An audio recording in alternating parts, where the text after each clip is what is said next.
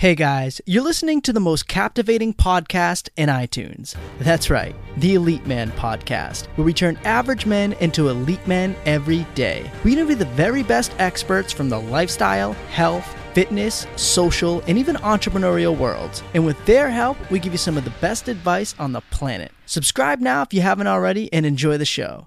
And oh, yeah, if you really enjoy it, leave us a review. On today's episode, episode number 163, entitled The Six Keys to a Happy and Healthy Life, I chat with Dr. Frank Lipman. Dr. Frank Lipman is a New York Times bestselling author and integrative and functional medicine pioneer. In today's episode, Dr. Lipman talks about the six core areas of optimal health and how you can begin mastering them today. He covers his vast teachings in both Eastern and Western medicine and how he's been able to incorporate so many different modalities over the years into helping so many individuals become healthier. In this action packed episode, we cover everything from diet to sleep to supplements and so much more. If you're wondering what the six keys to having a happier and healthier life are, and more importantly, how you can improve these areas and take action right right away. Check this episode out now. You are going to love it. And now, a quick word from our fantastic sponsors. And by the way, all of our sponsors can be found in the show notes or at elitemanmagazine.com in the show's description, where you can click their links and check out the special offers they have for our Elite Man audience. The Elite Man podcast is sponsored by Health IQ, an insurance company that helps health conscious people like runners, cyclists, weightlifters, and vegetarians get lower rates on their life insurance. Go to healthiq.com slash elite to support the show and see if you qualify. HealthIQ uses science and data to secure lower rates on life insurance for health minded individuals.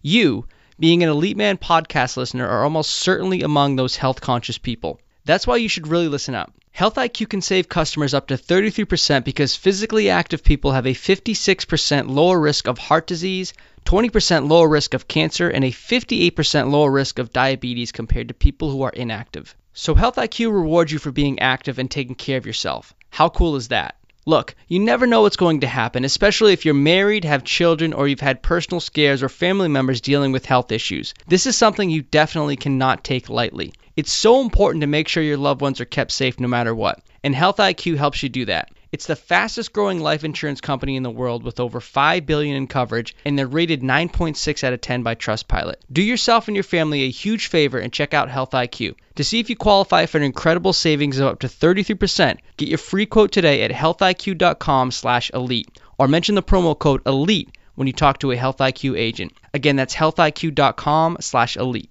I've been using Harry's razors now for a few months, and I have to say, these shavers are some of my all time favorites. The closest of the shave, the comfortable and smooth glide, the fresh design, it's nothing short of epic. I love using these blades, and they make lining up my beard a thousand times easier. I've talked about Harry's in the past, and I'm telling you again, they are the real deal when it comes to shaving. I love them. And I know you're to love them too. And because Harry stands by their blades and wants to show you guys just how awesome they are too, they created a special Elite Man trial offer for you. You can claim your trial offer by going to harrys.com slash eliteman. This exclusive trial set comes with everything you need for a close, comfortable shave a weighted ergonomic handle, a five blade razor with a lubricating strip and trimmer blade, a rich lathering shave gel, and a travel blade cover. Listeners of my show can redeem their trial set at harrys.com slash eliteman. Make sure you go to harrys.com slash eliteman to redeem your offer and let them know I sent you to help support the show. All right, guys, we're live. It's Justin Stenstrom from EliteManMagazine.com, and my guest today is Dr. Frank Lipman from BeWell.com and the author of the new book, How to Be Well. Frank, thank you so much for coming on the show, man. I appreciate it. Thanks for having me yeah, I'm excited to uh, pick your brain. I was going through your upcoming book, and uh, I'm really excited to learn more about your story and about your health philosophy. I know you have guys like uh, Dr. Perlmutter and Dr. Hyman, who I'm a big fan of, talking about your book and, and promoting it as well, and, and kind of giving you their endorsement. So when you have people like that vouching for you, I think uh, it, it speaks the world of, of the work you do and, and where you come from. Right. Thank you. Yeah. So, what is your what is your background? What, how did you get into this medicine, the, the, the health functional kind of approach you take on medicine? And sure. can you just you know pick it up from there? Yeah. So I I trained as a medical doctor initially in South Africa, and I qualified in 1979. And I was trained like all other doctors in crisis care medicine, um, and it was wonderful. And after my training, I worked as an intern for a year in the biggest hospital in Africa. And then I went to work up in the bush in South Africa for 18 months. And my training was wonderful because people were coming in with broken bones and they needed some surgery for um, acute appendicitis and um, they needed treatment for acute heart attacks and pneumonia. And my training was wonderful. But when I came out of the bush and I was working in a private practice, people were coming in and they couldn't poop and they were tired and they couldn't sleep and they had irritable bowel syndrome and they had migraine headaches and I realized that my training was not actually appropriate for those type of problems. Um, but then my wife and I left South Africa in 1983 and I got a job. We didn't want to live under apartheid because there was still apartheid in, in those days. I got a job uh, in the South Bronx in New York City, and they sponsored me for a green card because in those days, uh, South Bronx was was full of heroin and, and crack addicts, and American doctors didn't want to go work there. So I was lucky to get a job. I started a, um, and I needed three years of a, a, residency to get a license in New York. So I started the job, and uh, after a few weeks, I was a bit disillusioned with the medicine here because in South Africa, we had to talk to people. Uh, we didn't have the money to do all these tests. In America, it was all about the tests and the EKGs, and, and there was nothing about the relationship. So I was very disillusioned. And there happened to be an acupuncture clinic attached to the hospital that was doing acupuncture for detox.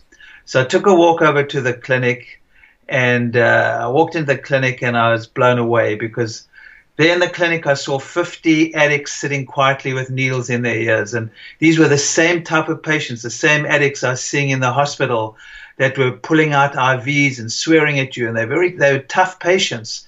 And I thought, wow, this is interesting. Um, look how relaxed and calm these patients are. I'm going to check it out. So I started going back to the clinic. And for the next three years, I, I spent some time, you know, I had to finish my residency, but I kept on going back to the acupuncture clinic. And it was very easy to see that uh, at the hospital, we were dealing with, once again, people breaking bones, acute heart attacks, acute pneumonia, crisis care. And Western medicine was wonderful at that. But after that, when they came back to the out clinic, outpatient clinic and they were tired and they had all sorts of these chronic problems that most people have, we we just give them a drug Whereas at the acupuncture clinic, they weren't particularly good at the acute crisis care problems, but they were pretty good at the people who were tired and couldn't poop and had the headaches and, and couldn't sleep, etc. And I realized then, this is the mid 80s, that the future of medicine was going to be a combination of the two. And I went on a journey after my residency and I started looking into meditation and yoga and herbs and nutrition and biofeedback. And you know, in those days you had to explore everything for yourself. And um, I went to study with Chinese medicine teachers, yoga teachers, meditation teachers. And in the late 80s, I discovered uh, Jeff Bland, who's the father of functional medicine, who mentored um, Mark Hyman and Dave Perlmutter, and I've been colleagues for many, many years from that movement. So I, I sort of got into, I, I was in a way forced into it because I realized that my training wasn't going to help me in the type of medicine I, I wanted to do. So th- th- that's a very short version of my story. And then over the years, you refine and you, your practice more and more. And then I've written a number of books, and I have a huge practice in New York City, and you get better at what you do. And and you know, Western medicine doesn't deal well with the chronic problems of today and functional medicine or this integrative approach that I use, that Mark uses, that David uses, is much more effective for, for the problems of today. So that's what I do. And over the years, you just get more and more um, effective or you refine your work. And my latest book is sort of this almost 40 years of experience put into a book with over 100 tips on the simple things you can do on a daily basis. Yeah, I think that's the biggest. I mean, you made a, f- a few good points there, but I think that's the biggest difference between uh, Western medicine and functional medicine. And you know, it's practiced all over. You, you mentioned the, the Chinese, the the Indians with the Ayurvedic medicine, and uh, many other cultures have been doing it for thousands of years. But it's the holistic approach of of fixing yep. all the systems and putting it all together, and not just you know throwing prescription meds at someone when they come in for a problem, right? Exactly. Yeah. Exactly. Yeah. How does um, how does your approach differ from that of some of the other functional doctors out there? Would you say you're kind of you know all the same in that sense, where you we work on everything as a whole, or is there something kind of specific or unique that you've been doing that maybe somebody else hasn't?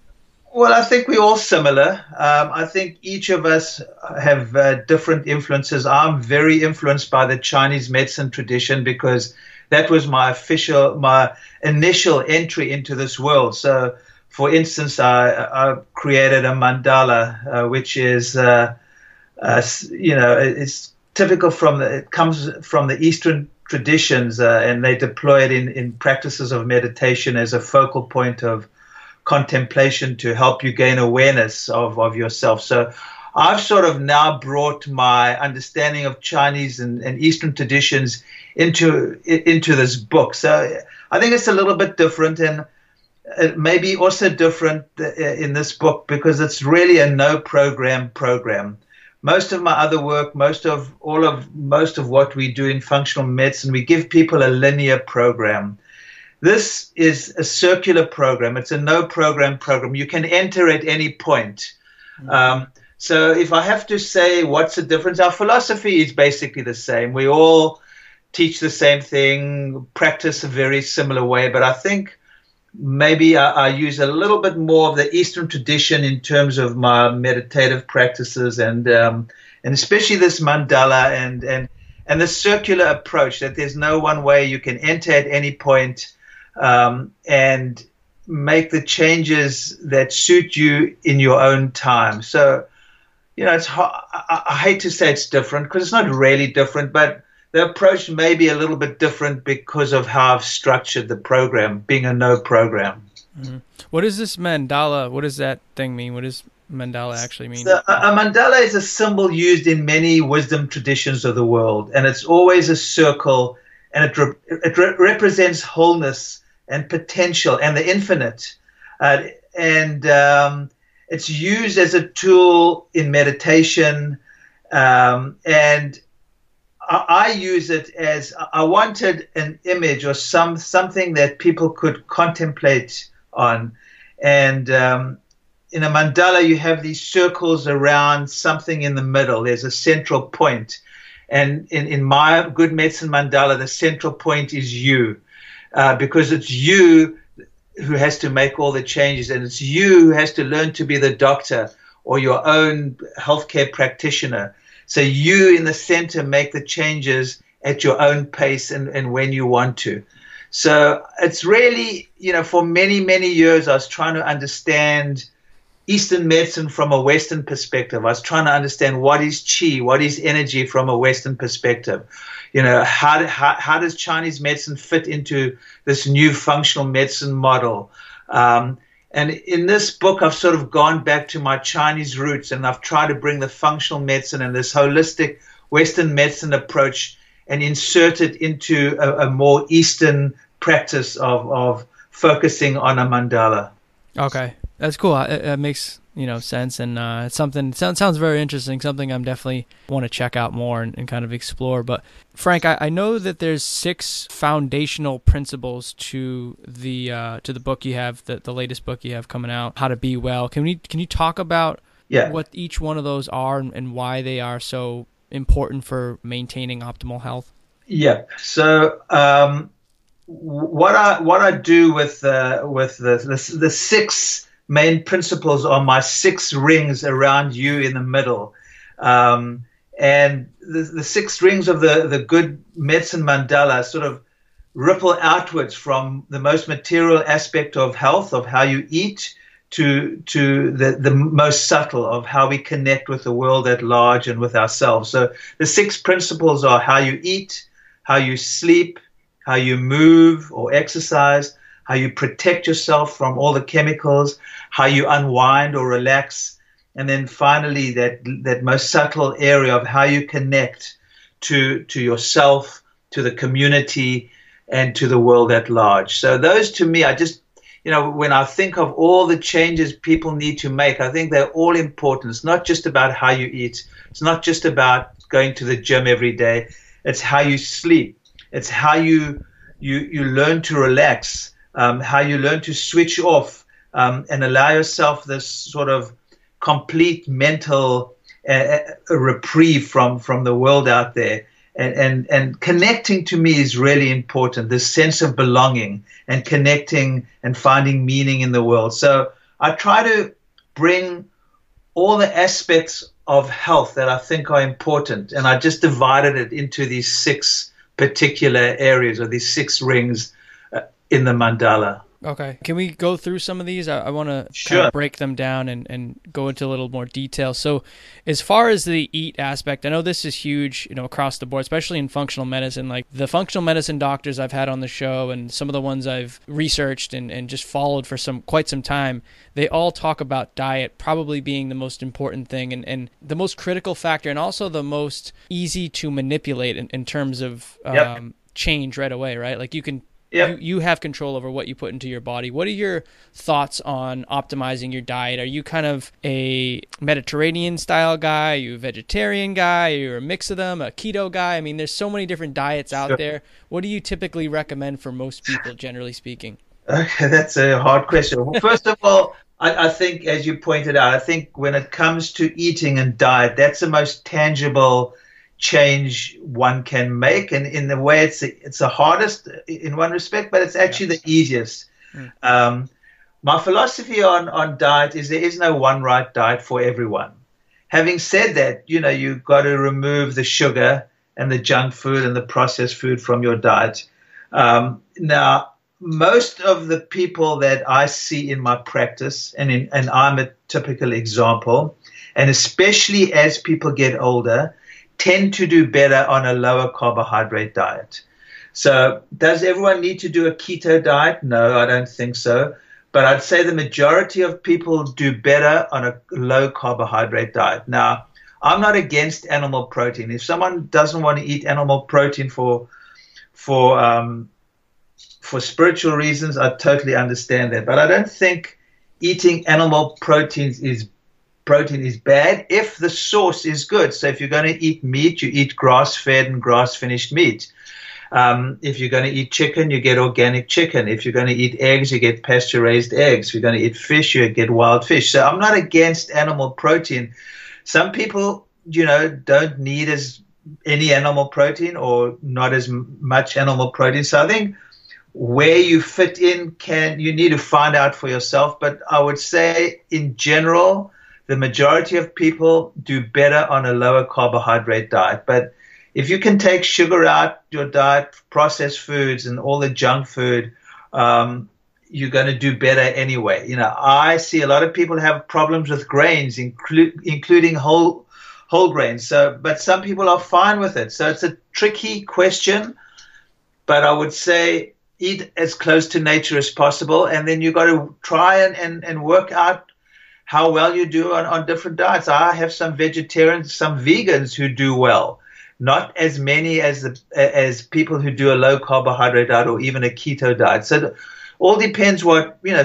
People with autoimmune disease, for instance, tend to do well on much more of a, a, a no grain, often you know uh, low carb, even tending towards keto diet. So, all depends what's going on with your metabolism. Mm-hmm. Are there some uh, tests you recommend maybe people taking to figure out which diets they would be more inclined to do well on?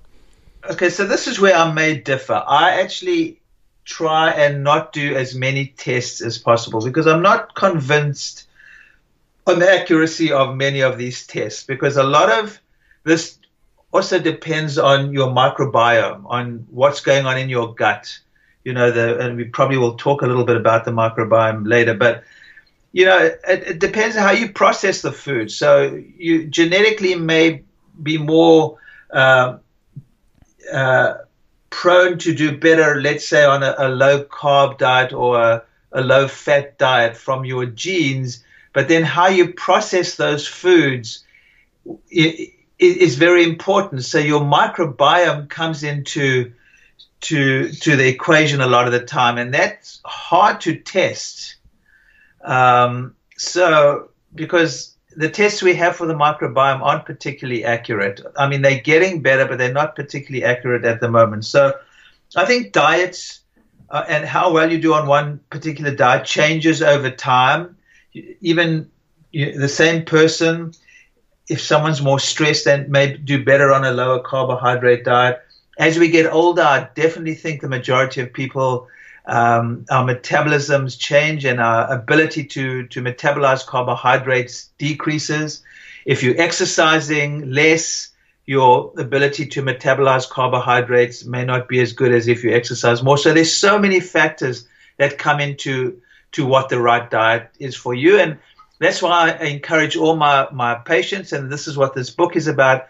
You need to learn about yourself, how you do with certain foods, how you process foods, how you feel, how you sleep. So I think it's very, very important to learn about yourself because there is no one right way for everyone. Yeah, I think that's you know a, a great answer, and the, probably the best way then would, would be to maybe just test by eliminating foods, right? Having that elimination exactly. test yep. with different you know dairy and wheat and things like yep. that, and seeing how you do after like four to six weeks. And yep. um, I still think that's a, a really probably the best indicator on, on what you should avoid and what, what is probably good for you to, to keep, right? I agree 100%. So that's what I do in my practice. I do elimination diets all the time.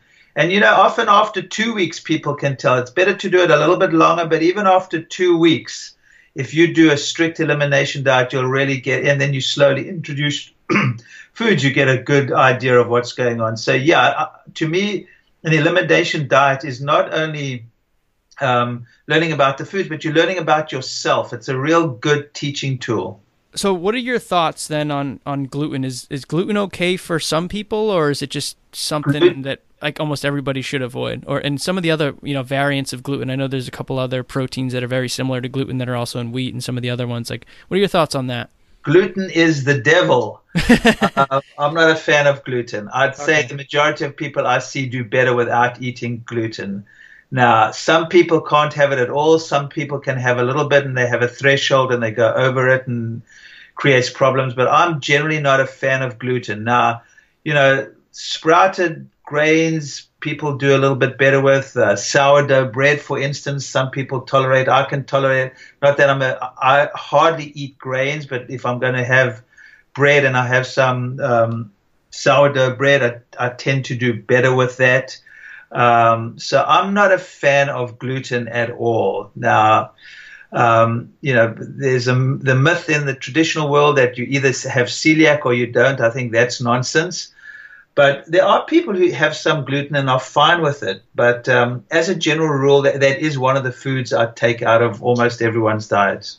Mm-hmm. How about dairy? Is that another one too, or is that something that a lot Dairy's, of people can still do? Yeah, dairy's trickier because I definitely see more people who tolerate dairy much better, and and that's not drinking milk, but you know having some cheeses or having some whole fat yogurt. There's definitely a lot of people who tolerate dairy better. There are also a lot of people who don't. So dairy is, is one of those that I think you everyone should really try and see how they do with it.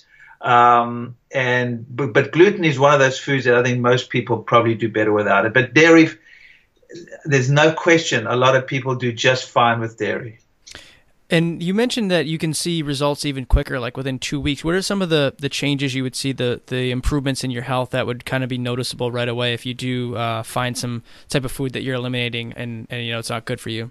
Yeah, I mean, classically, people lose a bit of weight, uh, their puffiness gets better, their mental clarity gets better, um, aches and pains can get better, and you know, digestive symptoms can get better.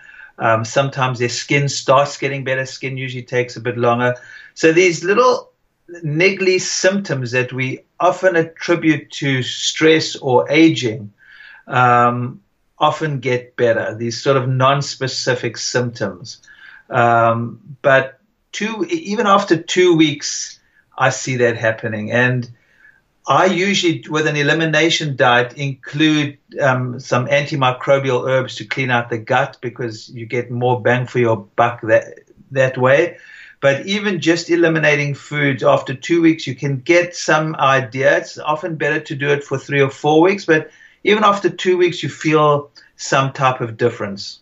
What are the antimicrobial foods that you include? Um, what are they doing specifically?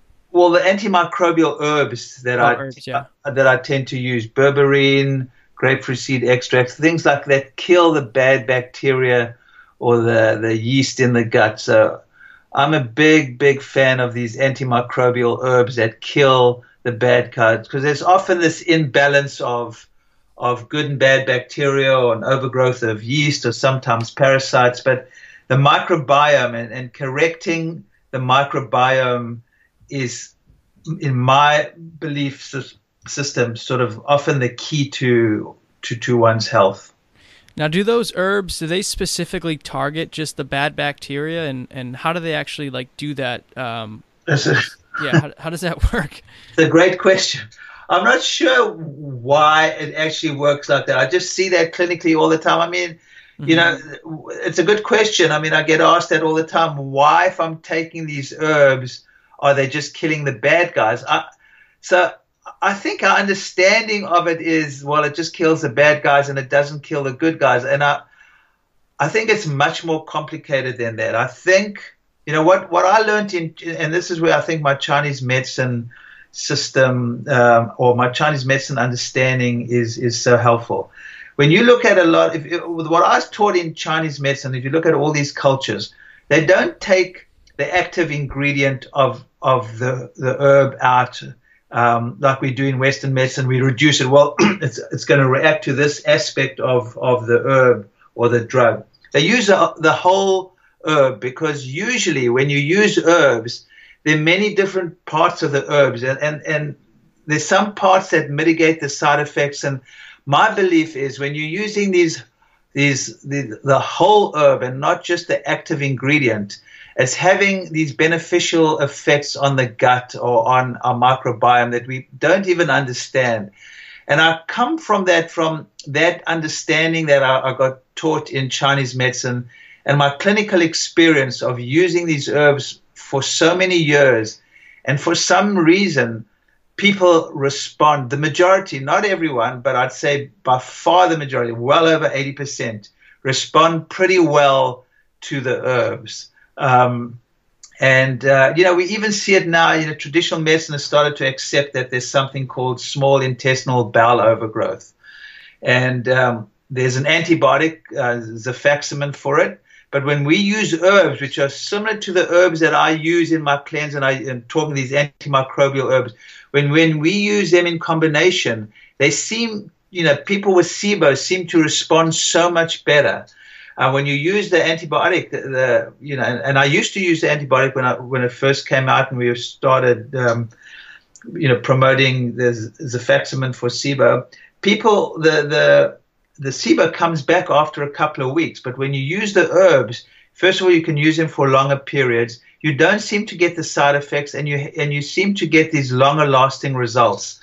So, uh, you know, I, you know, we, at this stage, we're still guessing why it doesn't kill you know the, the good guys i mean that's a great question and i don't think any of us really know the answer we can we can just speak from clinical experience yeah and i'm sure science will figure out the yeah, exact um, exactly eventually process of yeah. what's happening yeah, eventually maybe in the next decade or so but exactly um, Yep. Like you said, I think it's more important that the results are speaking for themselves. So, along those lines, too, you mentioned that you can take these types of things, these supplements, longer term. Is there anything else you recommend generally, or, or what are your thoughts, I guess, on supplementation? You know, taking different vitamins, minerals, yep. um, herbs like this, like long term. Is is that part of the the overall approach to being healthy, or is it maybe like more better to take these things short term?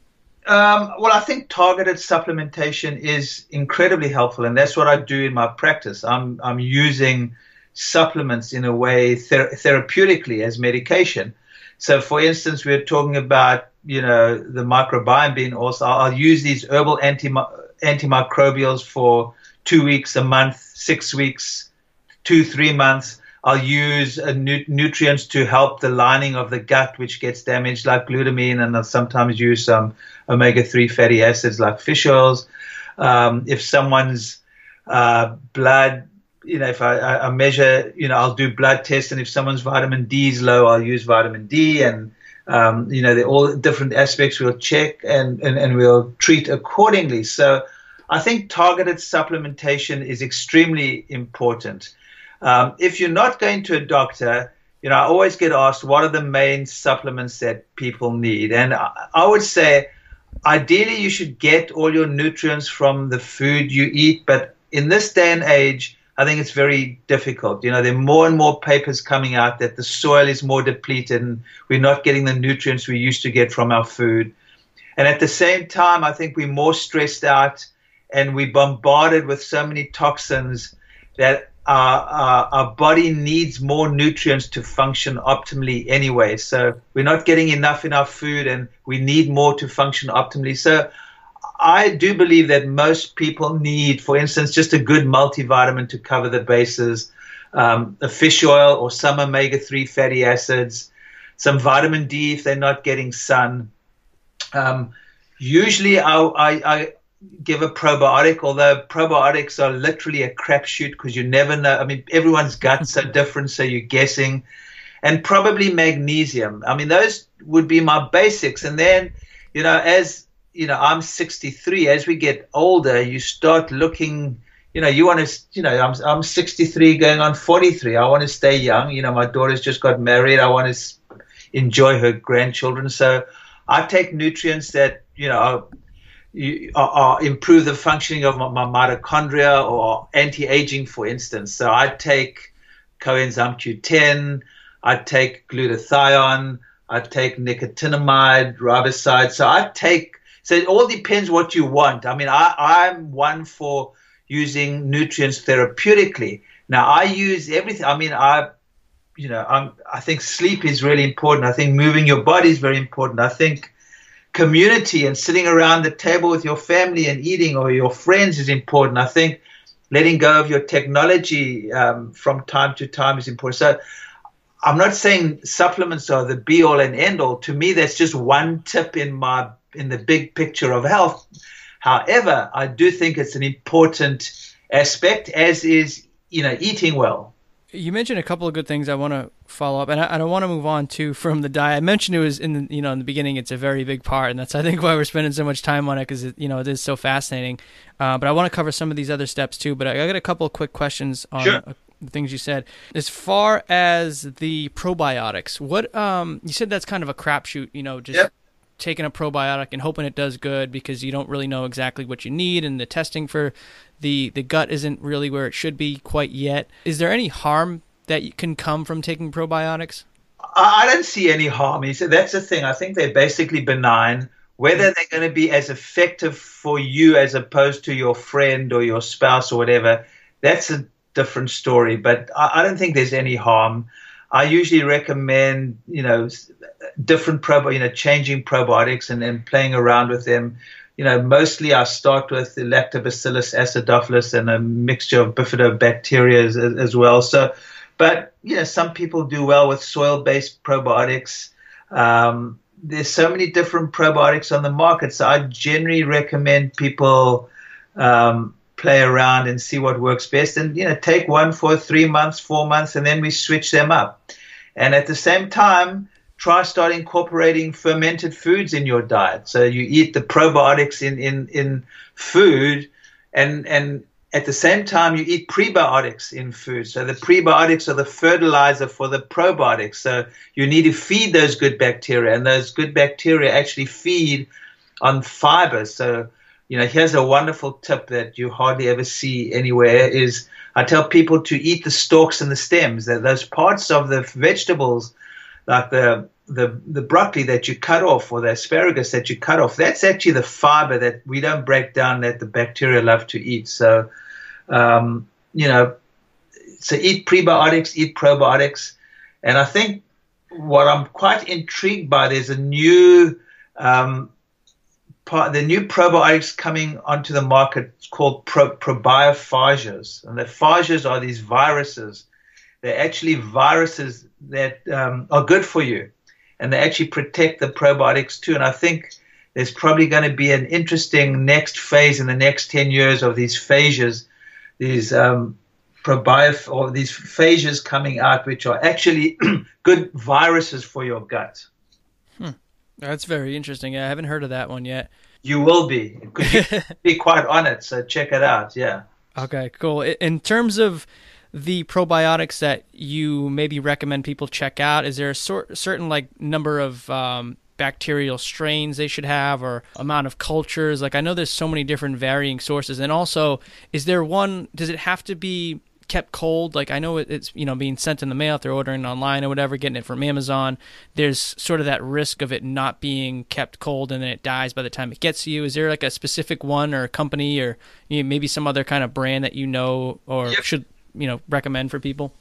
Well, I'm biased. I recommend my own brand, uh, but that so and, and the powder is really good, which needs to be refrigerated, but I, like most other people, are starting to come out with a non refrigerated one. So you are starting to get non refrigerated um, probiotics that are actually seem to be just as good and, and remain alive as as do the refrigerated ones. So yes, up until recently, they should have been refrigerated. Um, although sometimes they used to bring them out in the spheres that didn't used to. But there more and more companies um, and I'll hopefully be one of them soon that are coming out and have come out with ones that don't need to be refrigerated. So Orthomolecular um, Solutions has a, a, great one that doesn't need to be refrigerated. It's called um, it's called Ortho 100. Um, and they also have another one, Probiotic 225, which is strong, doesn't have to be refrigerated. That's a powder. So I do think this whole world is changing so quickly. A year ago, or two years ago, I would have said yes, it always had to be refrigerated. Now, I, I can say probably not if it's coming from a reliable company. And is there like a count on the cultures or strains that they should yeah. maybe shoot for? Yeah, I mean, for instance, you know, I mentioned one that has 250 billion. So it depends what you're trying to do, and uh, they should be a minimum probably 25 to 50 billion, um, but you can go up to 250 billion easily. So, um, but you know, I would look for at least 25 billion. Okay. And the the different strains is it like ten or so? And yeah, well, not necessarily. That's the whole thing. I mean, when, once you start talking about strains, it's like everyone's gut is so different. I mean, it's so you know, in my office, I have six or seven, maybe even more different types of probiotics that I use, and you know when I use which ones it's tricky and it's guessing. It's total mm-hmm. guesswork. Hmm. so I don't think it necessarily has to do with the number of strains in it. As if if if it works, if that's the strain that is working for your gut, that's it. Go for it. Okay, so it's more of like you know implementation, exactly. kind of experimenting with the different absolutely, types. Absolutely, cool. And then you mentioned the glutathione. Are you taking a supplement that's like an acetyl or liposomal exactly. type oh, of? man, Justin, you on it? Absolutely, because glutathione. Uh, well, uh, glutathione is very hard to be uh, absorbed orally. So yes, you should get an, an acetylated glutathione. So I also have an acetyl glutathione in my line. So yes, I do a lot of it IV in my office with unbelievable results, you know, with Lyme's disease, all sort of chronic diseases. Um, but if you want to take it orally, yes, it should be the a- a- acetylated version. Wow, that's really cool. I haven't actually found a doctor yet on the show who does the uh, IV glutathione. That's really so fantastic. It's unbelievable. It's what's like can be magic sometimes. It's really a one of those wonder nutrients. What types of um, diseases do you treat with that, and what is the like? How long is the protocol for for taking that? Is it every day for say like a number of weeks? You mean the oral the, or, or the IV? Uh, IV. So IV, I, I, use it as part of when people have chronic Lyme's. I'm using glutathione. Any chronic autoimmune disease, I often use IV glutathione. Um, for cr- lung diseases in particular, it's incredible um, the glutathione. Uh, I'm often using it in when people are run down. I use it as part of a, a, bigger push, but I'm using it more and more in almost all the IVs I give. But glutathione alone, I tend to give to people who have, you know, chronic infections, chronic autoimmune diseases, um, and just chronically tired and, and, and chronic lung diseases. It works in really well how quickly can people feel better when they get on the glutathione? And also, what's the like dosage for that for IV? Well, I I I use 200 milligrams per 10, 400. So four grams. I'm using an IV of four to five grams of, if I'm using it by itself. Okay. Um, because it's 200 uh, milligrams per mil, and I do 20 to to to 25. So yeah, I'm using four to five grams of it IV when I'm using it by itself. Mm-hmm. And what's that like an hour at a time or so? No, I do it in a shot. Oh, I, one shot. That's it. Yeah, other people do it oh, in okay. IV. I, I don't. I'm not set up to do IVs. I do it in a push. So I do it over 10 minutes, 15 minutes. Oh, okay. Wow, wow. And what's the what? So what? How quickly do you see um, people getting uh, benefit from that? Well, most when when you're getting when you're using IV glutathione, for most of the patients, I'm using it for these chronic uh, problems. So they need to come once a week, occasionally twice a week, for at least three or four weeks. But when I'm using it for this chronic, when someone has uh, post pneumonia and they're coughing, or asthma, or they they have some bronchial infections, um, that works fairly quickly. I also get it made up for them by a compounding pharmacy to actually inhale. So inhale glutathione and you get it straight into the lungs is also pretty miraculous. So it depends how long, you know, if it's an, a, more of an acute problem, you'll get quicker results. More of a chronic problem takes a little bit longer.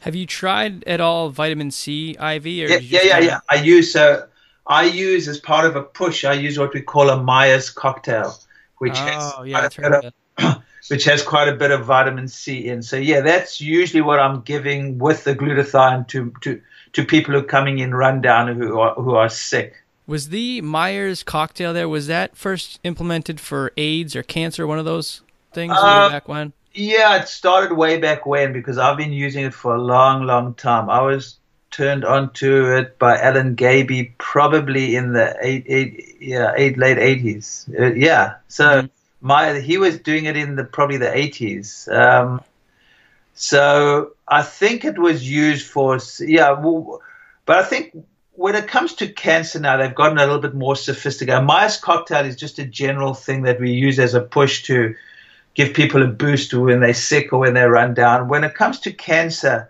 you, you, there's sort of more sophisticated treatments now. You know, higher doses of vitamin C and other nutrients too. So what types of conditions are you unable to treat like unable to help people get over? Is there anything out there that someone comes into you and, and you know you basically like you know there's nothing much we can do? Or is the the function that you do the the functional medicine that you practice can it basically help people reverse or see great improvement in, in just about every disease out there? Well, I don't know if I'd go as far as to say that, but I'd say a lot of the chronic diseases we see today, yes. Once something is way down, like cancer is one of those areas that I'm not comfortable treating. I think it's sort of, I don't take cancer patients on, for instance. I just think cancer is very complicated.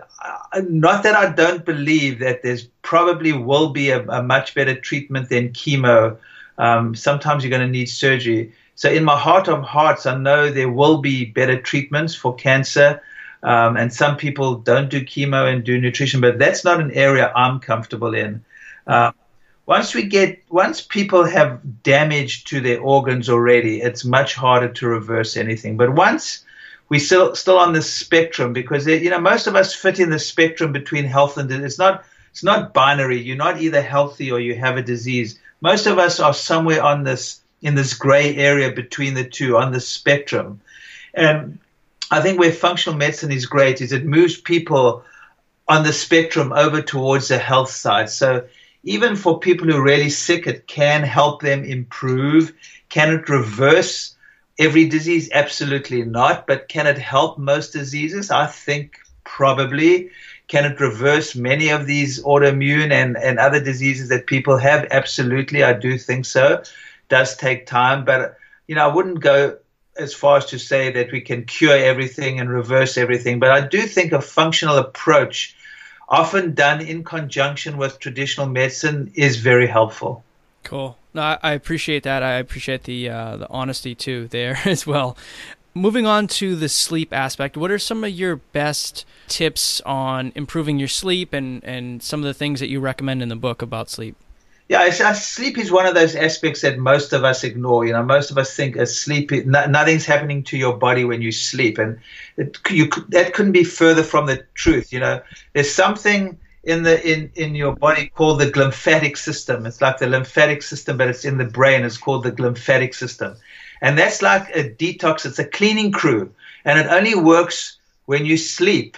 So during the day, your body makes these these toxins and these proteins and these breakdown products. And at night is when your body cleans your brain and, and gets rid of them. It's like having a party one night and if you don't and you get up in the morning and you don't clean up and then you have another party the next night and you get up in the morning and the, there's you don't clean up um, that, that's what's happening to your brain if you're not sleeping so your your your your garbage collection is not happening, and the garbage just collect, collects in your brain. So, you know, and over time that will lead to from mental fogginess to to cognitive functions, and eventually to Alzheimer's disease. So, I think sleep is really key in pr- protecting brain function. Um, and, and we, we, ignore that. Also, you know, when you sleep is when your your body produces human growth hormone. You know, a lot of people are taking external, injecting external human growth hormone, especially as they get older. But sleep is when your body produces its own human growth hormone. So, you, you, during sleep is is that you, your body is produ- is is is is key functioning is, is, happening at that time. So don't ignore it. And to me, the most important um, tip for sleep is watching what you do during the day because sleep is one of those key rhythms in the body. And what you do during the day and how much light you get during the day is going to affect your sleep. How stressed you are during the day is going to affect your sleep. If you're sitting under artificial lighting all day, and not getting natural sunlight, it's going to affect your sleep. So sleep i have a whole section on sleep because to me how you sleep is as important as, as how you eat. In fact probably more important because we ignore it so much. Yeah no that this definitely makes a lot of sense. And i think so many people like you said are, are overlooking this aspect and really suffering the health consequences of doing so. And what what is what is like the optimal amount of sleep that people should shoot for? Is it between like seven and nine hours? Yeah. Or have you found something? Yeah. Exactly. I don't think there's one right number for, but for, I would say that's a good number. Seven to eight. Some people need a bit more. Obviously, kids, younger people need more. Seems like as you get older, you seem to sleep less. Um, but but yeah, I would say seven to nine hours is is um, would be my number. Yeah, and, and I I, I love that you brought up the the glymphatic system. I think it's such an important aspect to, like you said, cleaning out the brain, and you know, especially things like Alzheimer's disease and preventing that from ever happening. I had uh, Dr. Dale Bredesen on the show months Great. back. Yeah, genius guy, you know, just doing yeah. incredible things in, yeah. in neurology, and uh, that's one of the big things he mentioned as well is getting sleep and having that whole autophagy thing where like you yeah. clean out all the junk. And I like the the analogy you made of the cleaning crew, right? Like if you have that crew constantly getting all the crap out of your house and well essentially out of your brain. Yep. you can have a, a, healthy brain but if it just builds up and you don't do anything about it and you don't have enough sleep it's just going to get worse and worse over time. Exactly the uh, the next thing you you talk about is movement, exercise. What are what are your best tips on this? Is is it something of basically just like getting up and moving around more and, and making sure you hit the gym every day? Yeah, I don't think you have to hit the gym. I think just move your body. You know, mm-hmm. we don't have to hit the gym. I mean, if you can, that's great. But you know, moving your body. If you hit the gym and then you're sitting all day in a chair, you, you know, you, you all, all, those positive effects are blown away. So I think, you know, get up from your seat, move around, move, you know, try use every opportunity you have to move. So I try call it move rather than exercise. I think movement is really important and and and, and, and uh, an important aspect of movement is actually rest. You know, there's this whole, you know, once again goes back to my Chinese medicine training, this balancing of yin and yang. Most of us are too yang with our, our exercising, and we push and we push and we push. And often I see people burn out from exercising too much. So, with all the pushing, which is good, I think it's good to push yourself, but you need to balance that with the yin aspect of, of movement and some restorative yoga or you know some breathing exercises and if you if you look at you know most yoga traditions they'll push you they'll push you and then you relax so I think you need to balance your your yang energy, which I think is important with some yin type of um, exercise, with the yang exercise with the yin exercise. So balancing the the exercise with rest is is really important. And one question I get asked all the time is if you had a choice to sleep an extra hour in the morning or go to the gym, what do you recommend? And I recommend sleeping an extra hour. unless you're sleeping already eight or nine hours, because I think sleep is primary and going to the gym per se is secondary. Not that I'm negating or undermining, I'm not diminishing going to the gym, but I think sleep is primary and just, just move your body, walk, you know, go, go out for lunch, get some fresh air and walk a couple of blocks to get your, to get your lunch. If you're taking a subway, you know, take the one stop before your actual stop and walk. If you're driving, park a little bit further from. You know, there are all these little things you can do, but get out there, walk, get out into nature. Yeah, ex- exercising in nature actually has more beneficial effects too. So there are a lot of little things that we've come to believe that you know just changing your mindset i think is important just move your body that don't worry about exercising move your body do you do you have some kind of unwinding process before bed? Do you have like spend a couple hours, say, not you know watching TV or having any blue light from your cell phone or that kind of thing, just to you know get it? Is there something like that that you go through before sleeping, or is it just kind of like you know you, you set aside time and and that's it? Yeah, I think there needs to be some period between the go, go, go and then relay. You know, most of us think we can go, go, go and be on our computers and then go straight to sleep. And I think there needs to be a period in between. You know, some people do well with a hot bath. Some people do well with you know, dimming the lights and listening to some soft music. Um, I call it an, having an electronic sundown. You know, I recommend everyone switches off their computers, cell phones by nine o'clock, and just learns to chill out and do something to chill out before you go to sleep. I think then there needs to be that period, that transition period between whatever you do during the day and, and going to sleep at night. So, yeah, I do think that's important. And I do think the b- blue light from TVs, from cell phones, from computers affects our sleep. Cool. Yeah, th- for me, I, I have a little unwind period myself, and it's typically about an hour and a half to two Good. hours. Kind Good of starts before. Justin, you on it, man. You on it. How, how, old, how old are you? Uh, 27 you're so young. It's great that you're so into it. I love I love your generation. You know, I've, my daughter's 30. Uh, the millennials, I think, are totally on it. It's fantastic. So yeah, that's perfect. That you're doing exactly what you should be doing. Good for you. Yeah, and I was gonna say too is I have uh, it's not every day, but most days I'll do like a little meditation uh, yep. for about 15, 10, 15 minutes, uh, sometimes a little longer, and it'll kind of actually put me in the mood to fall asleep. Very relaxing kind of thing. Yeah. I know this is part of your yep. unwinding process too, which is one of your key principles here. Do you recommend doing a daily meditation of some sort or a yoga kind of thing every day? Hundred percent.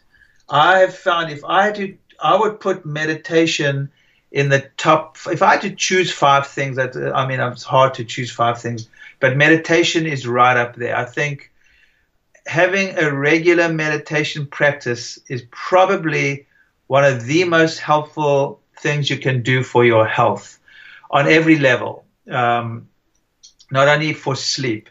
So um, it'll help you be less reactive. It'll help you deal with um, the, your stresses in life better, with your relationships. Um, it just le- makes life much, much easier. But meditation is a practice. So you need to get into a habit of meditating every day. And once it becomes a habit, then you start seeing the effects. So, like for instance, I get up every morning. In the old days, I used to go straight to the computer. Bad news. Now, the first thing I do in the morning is I meditate for 20 to 30 minutes. If people are having problems sleeping, I usually recommend um, that they start meditating at night. And if they have a hard time meditating, which most people do, as I have, I did for so many years, we recommend apps like Headspace or Calm or wonderful apps. I have a lot of tips for this in the book too. I think meditation is really uh, one of the most important things one can do for your health. Yeah, and the the studies that are coming out on it too as well just show like the benefits all around, especially in like the brain. Your brain is actually changing its neuroplasticity when you meditate, and um, it, it, like across the body. I mean, just improves so many different conditions. Frank, as as far as the protect yourself step, is there something specific that goes along with that? Is it just as simple as making sure you don't have any injuries or any damage and kind of things like that, or is there something else? No, the protect yourself is really. Um, mitigating and preventing these assaults of toxins we have on our body every day, with the chemicals in our food, in our water, in the air, in the in the cosmetics we put on our skin, in the electromagnetic radiation that we expose to. So I think we, in this day and age, I mean, you, your generation, have to be aware of the chemicals in everything. I mean, the thousands of chemicals we expose to on a daily basis. So that section, that ring, is really making people, not to make them neurotic, but making people aware that we are exposed to thousands of toxins on a daily basis, and you need to to to be aware of it and do things to prevent it to, to prevent them ca- causing harm. So be aware of the cosmetics you put on their skin. There's so many cosmetic products now that uh, don't have these chemicals in. Um, the food that you eat. That's why organic, you know, try get food without pesticides. I'm not a fan of genetically modified organisms for that reason. Um, to me, um, the sun is how you protect yourself as well. You know, we've been taught to to be scared of the sun. So if you use the sun intelligently, it protects you from a whole host of things. You know, getting the vitamin D and, and other nutrients that we actually get from the sun um, optimizing the functioning of your mitochondria, which are the energy powerhouses in your cell, which are damaged by a lot of the chemicals that we are exposed to and that that we eat. So that that ring, that section is how do we deal with this onslaught of chemicals and toxins that we expose to on a daily basis? And for that last point there, what is the best way, or, or, a couple of the best ways to protect and make sure your mitochondria is healthy as possible? Well, mitochondria like fat, so eating a low, you know, they don't particularly like sugar or too many carbs. So eating a lot of fat is good as long as you're eating low carb at the same time. Um, sleep, moving your body, all of that affects your mitochondria. Certain, you know, exercises in particular, in particular um, high intensity interval training, but also strength training, all affects your mitochondria. Going from extreme heat to extreme cold is really good for improving the number and the functioning of your mitochondria. Uh, certain supplements like the nicotinamide riboside, the glutathione, the coenzyme Q10, magnesium, alpha lipoic acid, they're all these nutrients that can help functioning of your mitochondria. So basically, it's all these factors that I talk about in the book are, are, are improving the functioning of the mitochondria. I believe that the mitochondria are the Western equivalent of the Chinese concept of chi, of energy. Mm-hmm. So, from my thinking, you know, we don't have a concept of energy or chi in, in the Western way of thinking. And to me, that is the Western understanding of chi is your mitochondria. So improving your, your mitochondria improves your chi. And, and I think the other aspect of mitochondria, I think the mitochondria is probably the mechanism by which most of these lifestyle factors I'm talking about, how we eat and sleep and how we move and all the chemicals and how we relax and even how we connect affects our mitochondria. There was a, uh, a study I saw a couple of days ago, um, which um, showed how the mitochondria are affected by your circadian rhythms, by the, the, the clock, that um, circadian clock inside of you. So, you know, rhythm is one of those key underlying functions I talk about in the book too. So, keeping your body in rhythm, sleeping when it's dark, or, you know, being awake when it's light, things like that, all affect your mitochondria. So, to me, the mitochondria are your those key. It's that that key mechanism by which all these lifestyle factors work. Mm-hmm. Yeah, it's very interesting. That you haven't heard before, okay? I'm sure. You seem to know a lot, but that you probably haven't heard before. Not about you've heard about mitochondria, but that that concept of of the mechanism and, and the Chinese concept of qi and mitochondria. Yeah, no, I, I haven't heard that one at all. I, I like that concept though. But it's very interesting too. You mentioned at the, at the beginning of the show the importance of the gut and the bacteria and all that other stuff. There's actually new research that suggests, and I think actually might even prove at this point, that mitochondria actually stemmed from bacteria. Yeah. No, no, absolutely. Yeah, they do. Yeah. Yeah, yeah. yeah. They, they actually, uh, it was a symbiotic uh, type of relationship, you know, yep, hundreds exactly. of thousands of years ago, and they got into the cells, and now they, you know, power the energy and all that other Justin, stuff. Justin, really you are so on it. That's great. no, absolutely. That's Appreciate exactly it. right on. Yes, yes. Appreciate it. By the way, all of this is in the book. It's all jammed into this. So because so many people come to me and they don't know, they don't have the time, and they're less interested in the whys. They just want to know doc, what do I do and how do I do it? And this is what this book caters to that sort of mindset. Mm-hmm. Um, the final point here is the connect part. Uh, what what is your biggest tip on connecting, uh, making sure that's good? To me, you know, the connect is connecting to yourself. You know, connecting to the community at large. So becoming part of a tribe, I think, is important. You know, your your generation is more aware of that, but there's something to being part of a tribe where you heard, you feel like you're part of a bigger picture. Um, I think that's important. I think um, the connecting to the seasons and to the world around you and, and honoring that and understanding that our body changes during the day and at night and changes with the seasons and, you know, respecting that and eating with the seasons. So, you know, I brought bring this up because this new this new study on mitochondria I find fascinating. That you know, it's a you know our, our, body's internal clocks adjust to the external clocks. You know, we are a microcosm of the macrocosm. So I think the understanding that there's a much greater aspect to ourselves than just our own egos, and uh, it's important to be part of a community. It's important to to um, to give without expecting anything back and connect with the community, and also the, the understanding that we part of a bigger whole, and it's not it's a community, but it's also the earth at large, and you know how we treat the earth is going to affect our health, mm-hmm. and understanding that we are a microcosm of the macrocosm, which is the earth. Yeah, I think bringing it back to just how we evolved in our ancestors primordially, we were all in tribes, we all had groups, we all had community, we all had communities, we lived in communities, worked together. Yeah. Um, we need to have as much we need to be as much and, and same with thing with diet too and, and sleep and all the other stuff working around the sun and sleeping with the sun and everything etc but we need to i think we're best optimized health wise when we have a relationship that is closest to that as opposed to you know the modern lifestyle everything's go go go and exactly. the, the, sleep sleep cycles are all messed up and our diets are all messed up. But i think that's a, a big factor as well the community aspect. Uh, frank it's been an awesome interview man. Really do appreciate you coming on. Is there a final takeaway message you'd like to leave our audience and then a place that our listeners can check out your upcoming book? I know you have a pre-order type of bonus or something if they get the book now right Yep, I think if you go to, I wish I knew the actual, I can send you the link, but if you go to bewell.com, there'll be a link either on the side or at the top where there'll be a link to the book, and then you can pre order the book, and there's some prizes you get with that.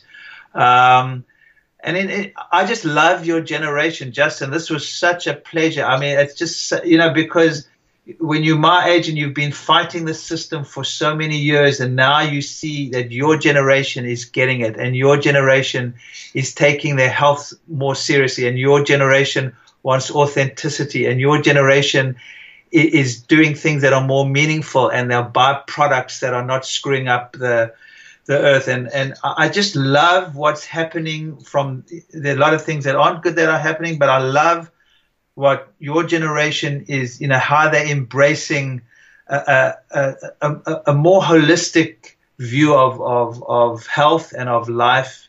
And it's better for their own health, for the community, and for the earth at large. So I am in awe of your generation, and I will support and and you know, being one of the elders now, just support this generation in everything they're doing. I I I love it. It's just to me, it's so invigorating and it just keeps me young. It's wonderful. So thank you, and thank probably your audience, which are millennials. I, I, I love you guys.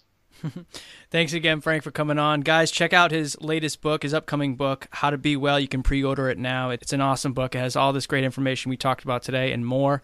Frank, thanks again for coming on. I appreciate it. I know our guys are going to love this one, so uh, I'll talk to you soon. Thanks, man. Thanks, Justin. Also, just one last note I wanted to make sure I added this in just in case the web address was a little unclear. You can go right on over to howtobewell.com to pre order your book by Dr. Lipman. Actually, just after recording this interview, I got a chance to read the book myself, and it is awesome. One of the coolest books I've read in a while. So, if you guys are interested in checking it out, I have absolutely no financial incentive at all. I just figured I'd shoot you guys a link because it really is that good. And Dr. Lipman, it was a phenomenal guest and a really, really great great guy. So, again, the link to pre order his book is howtobewell.com. You get a bunch of extra goodies too if you do that now. But yeah, it's, it's an awesome book. You guys are going to love it if you do check it out. All right, guys, I hope you enjoyed that episode. But before you go, there's one last thing I need you to do. I need you to subscribe to this podcast right now if you haven't already. By subscribing to the podcast, you get every single episode the minute they're released. Get all of our Elite Man podcast interviews with all of our incredible world class guests from the lifestyle, health, fitness, business, and social worlds